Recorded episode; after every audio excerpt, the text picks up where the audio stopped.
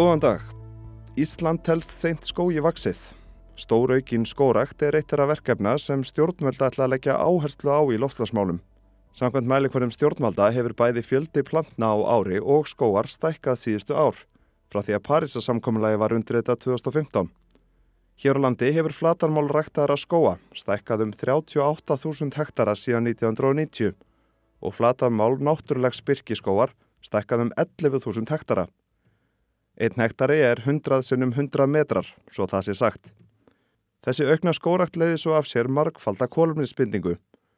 Á vef stjórnarásins má sjá ímiskonar tölfræði um framgang loftslagsverkefna. Þar meðal hvaða tegundum er plantað.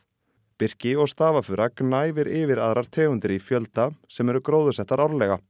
Tæplega 2 miljónir birkiplantna voru gróðusettar í fyrra og hátt í 1,7 miljón stafafura Þar á eftir kemur sitkagreini með 650.000 plöntur.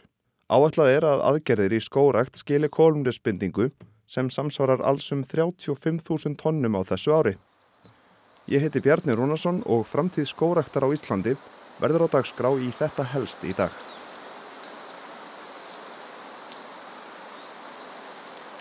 Það er oft talað um að við þurfum að rækta meiri skó.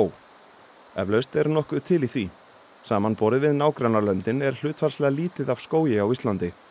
Aðeins um 2% flatamáls Íslands eru skilgrenn sem skóur. Stór hluti þess er byrki. Samanborið við þriðjung flatamáls Noregs og tæp 13% Danmerkur til að mynda.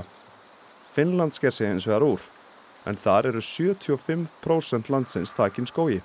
Það er hæsta hlutfall í Európu. En það þýðir þó ekki að hér sitji öll með hendur í skauti og geri ekkert í að rækta skó síður en svo. Það eru áformum að planta trjám og stækka skóa til muna á næstu misserum. Ég rætti við Hrein Óskarsson, sviðstjóra þjóðskóarsviðs hjá skóraktinni. Hvert stefnu við á næstu árum og áratugum með útbreytlu íslenskar skóa? Í dag erum við sem sé með um 1,5% landsin sem er byrkiskóur og kjarr og um 0,47% samkvæmt síðustu konun eru gróðusettir skóar og hluta til er það byrkigróðusetning með að við, að við höldum áfram í svipuðum takti þá gætu við verið komin í um 1,7% landsins pluss mínus eitthvað sem verður þá gróðusettir skóar en þá að hluta til byrki líka og ef að það tekst í rauninni að stækka þessi svæði sem við kallum endurheimtarsvæði fyrir byrki á Íslandi þá gætu verið komin svona hátt í 5% eftir kannski 8-10 ár. Mm. Og svona fyrir svona fyrir áhórandan, hvar er hann að fara að sjá skógin vaksa upp á næstu áru? Já, ef við tökum bara byrkið sem dæmi, þá eru við að svona einblýna á svolítið stór samfelt svæði og til dæmis hekluskóasvæðið, þar er stemt á að rekta hátt í 60.000 hektar af byrki. Við erum líka að vinna á svona stóru landgræslusvæðum, uh, til dæmis Hafnarsandur við Þorlákshöfn austur í Skaftárreppi, til dæmis á Leiðvelli. Við erum að vinna á Hólasandi, Haugadalsheiði og jafnvel á Reykjanesi þannig að það má búast við því á næsta árum að það verði farið að auka byrkiræktun og endurhund byrkiskóa á þessum svæðum. Síðan í sambandi við ræktuðu skóana þá verður þeir aðalega á bújörðum eða þá á landi ríkisins en, en langmestu leiti þá bújörðum sem að bændur eða aðri landeigundur eiga og eru að ræktu upp. En gætu áhrif lofslagsbreytinga orðið til þess að það komi ykkur ný svæði sem að verða, verður hægt að planta í?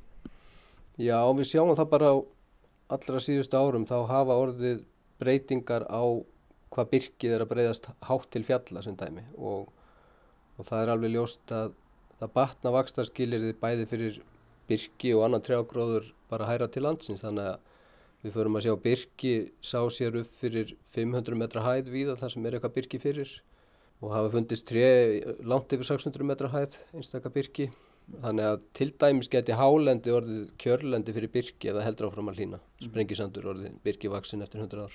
Maður sér það í, í tölum stjórnvalda yfir það hvaða tegundum hefur verið að planta. Þar gnæfir byrkið og stafafyran yfir. Er flóra sem hefur verið að planta í skója er hún nógu fjölbreytt? Já það er alveg rétt. Það, það hefur verið mikil áherslu á fjórar sagt, aðaltegundir af sem, þessum erlendu, það er það sem sé að stafur, að sitkagrenni, alaskaösp og lerki. En byrki hefur yfirleitt verið svona þriðjangur af öllu sem gróðsett er. En það hefur uh, verið líka ræktað eitthvað og gróðsett af reyniviði, elri og svona það sem við kallum eðal löftrjám sem kannski þrýfast síður út á berangri. Víðir og, og fleiri tegundir sem eru nýtta líka sko. En, en það er, já já, það má alveg aðgrína það. Það mættu vera fleiri og fjölbreyttari eh, tegundir sem við notum sko í skóræktinni. En hvar og hvernig raungerast svo þessi miklu áform um meiri skórækt? Ég talaði líka við Ástísilökk Teodósdóttur, skipulagsfræðing og aðjungt við Háskóla Íslands. Það er nú erfitt að svara í stuttum máli hvar skóarnir koma til með að byrtast okkur. Því að það, það gerist náttúrulega víða og það eru svona að einhverju leiti er það ólíkum tökum tekið í, einum, í einum landsluta og, og öðrum og í einu sveitafélagi og öðru sveitafélagi hvernig stefna sveitafélagsins er um skórakt bæðið með til, til, til þess hvernig það getur náttúrulega bara verið mismundi landslag og aðstæður sem gera verkum að, að það frekar ítt undir og stuðlaða skórakt í þessum hlutar sveitafélagsins heldur en öðrum og því um líkt. Þannig að þetta geta bæði verið ég bara stóra landslagsheldir sem munu taka miklum breytingum á næstu árum og áratugum.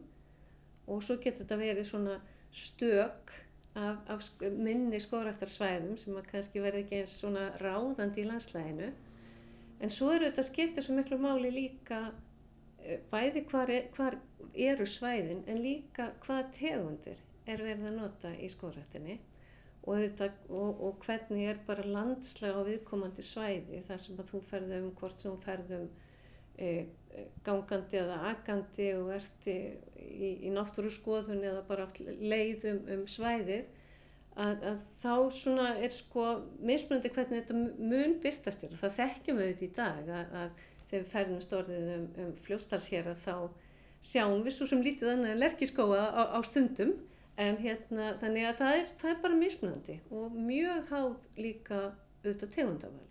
Já, það er nokkuð til í því sem Ástíð segir. Lerki er ábyrrandi þegar maður á leiðum fljótstalsherað og dæmin eru fleiri þar sem ákveðnar tegundir eru meira ábyrrandi. Það er flókið að samstilla skipulag skórektar og landnótkunar þar sem skipulagsvaldið er á hendi hverjar sveitastjórnar fyrir sig. Ríkið getur hins vegar haft áhrif á skipulagið.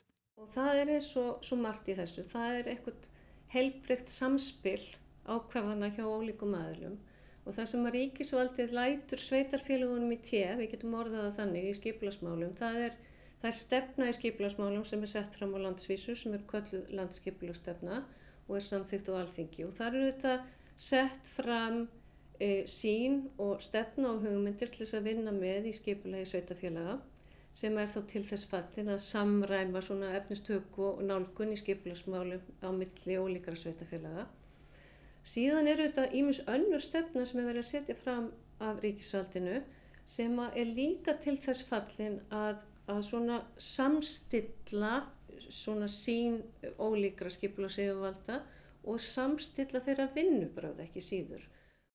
Svandi Svavastóttir matvallaráþara hefur búið nýtt skipulag á landsvísu með nýtningu þess í huga. Þetta saði hún á nýjafstöðinu matvallaþingi þegar ég hitti á hana. Eitt af mikilvægu verkefnunum sem eru framundan og ættu í raun og veru verið að koma að staðin eru það ekki, eru, e, ekki með nægilegu móti, er að flokka landbúnaðaland á Íslandi. Að, að það er að segja að við flokkum það þannig að við metum hvaða uh, tegund af landi og jarðvegi hendar best fyrir hvaða tegund af, af ræktun eða, eða, eða landbúnaði uh, og þetta þarf að gera í sátt við líka vistkerfi Íslands. Það, það er að segja að við séum ekki að ógna vistkerfunum uh, með því að ganga á þau í, í því hvernig við erum að nýta landið og, og varðveita jarvegin. Og þá spyr maður sig, hvar lendir skóraktin í því skipulagi? Já, það er mjög góð spurning. Hún, hún kannski fellur svona millir skips og bryggju, kannski mm. ekki hvað svo var.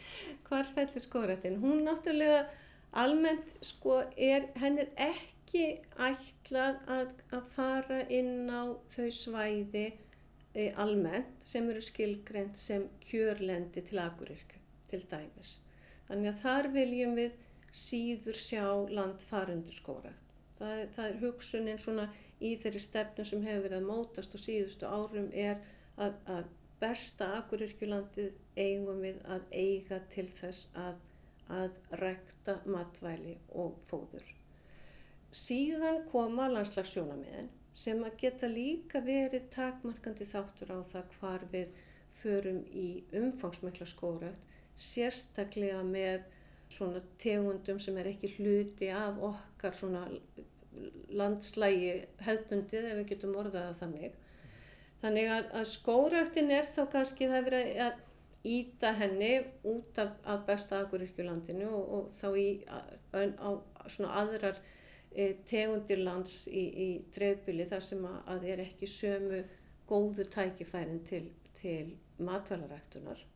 Eru dæmi um það að það hefur bara einhver tekið það upp hjá sjálfum sér að rækta skó þar sem að kjörlendi fór undir skóin og er þar að leiðandi ónátt í framtíðinu?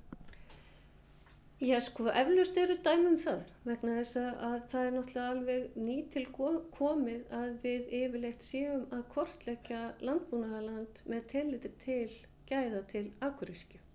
Þannig að, að, að vafa lítið höfum við gert það í, fram til þessa. Er eitthvað sérstök svæði sem við erum að fara að sjá breytast meira heldur en önnur með þessi áform sem liggja nú fyrir? Já, ég er alveg sannfærður um að það verður allt önnur ásýnd svona almennt til sveita á Íslandi. Það er mjög margir bændur sem bæði hafa rægt að skjólbelti og svo skóareiti. Þannig að þó að það sé ekki samfelt skórækt á löndum bænda þá er þetta mikil ásýnda breyting. Eitt skjólbelti í rauninni getur breytt mjög miklu, uh, miklu, útsýni þó að, þó að það sé ekki mikið flatamál sem það þekkur. Þannig að Sveitirnar eiga eftir að breytast á næsta árum og hafa þegar breyst sumar sveitir eins og fólk hefur tekið eftir. Og svo sjáum við líka breytingar inn á þessum eyðisöndum, fyrrum eyðisöndum sem búið er að græða upp, bara sem dæmi hekluskosaði þar sem að fyrir 20 árum voru algjörur auðunir en eru í dag að vaksa upp byrkiskóar. Górækt er sagt, tekin inn í uh, loftslagsbókald Íslands og það er búið að rannsaka kólefnisbindingu og mæla kólefnisbindingu í skóarreitum í allavega 20 ár núna í gegnum íslenska skóarúttækt sem dæmi.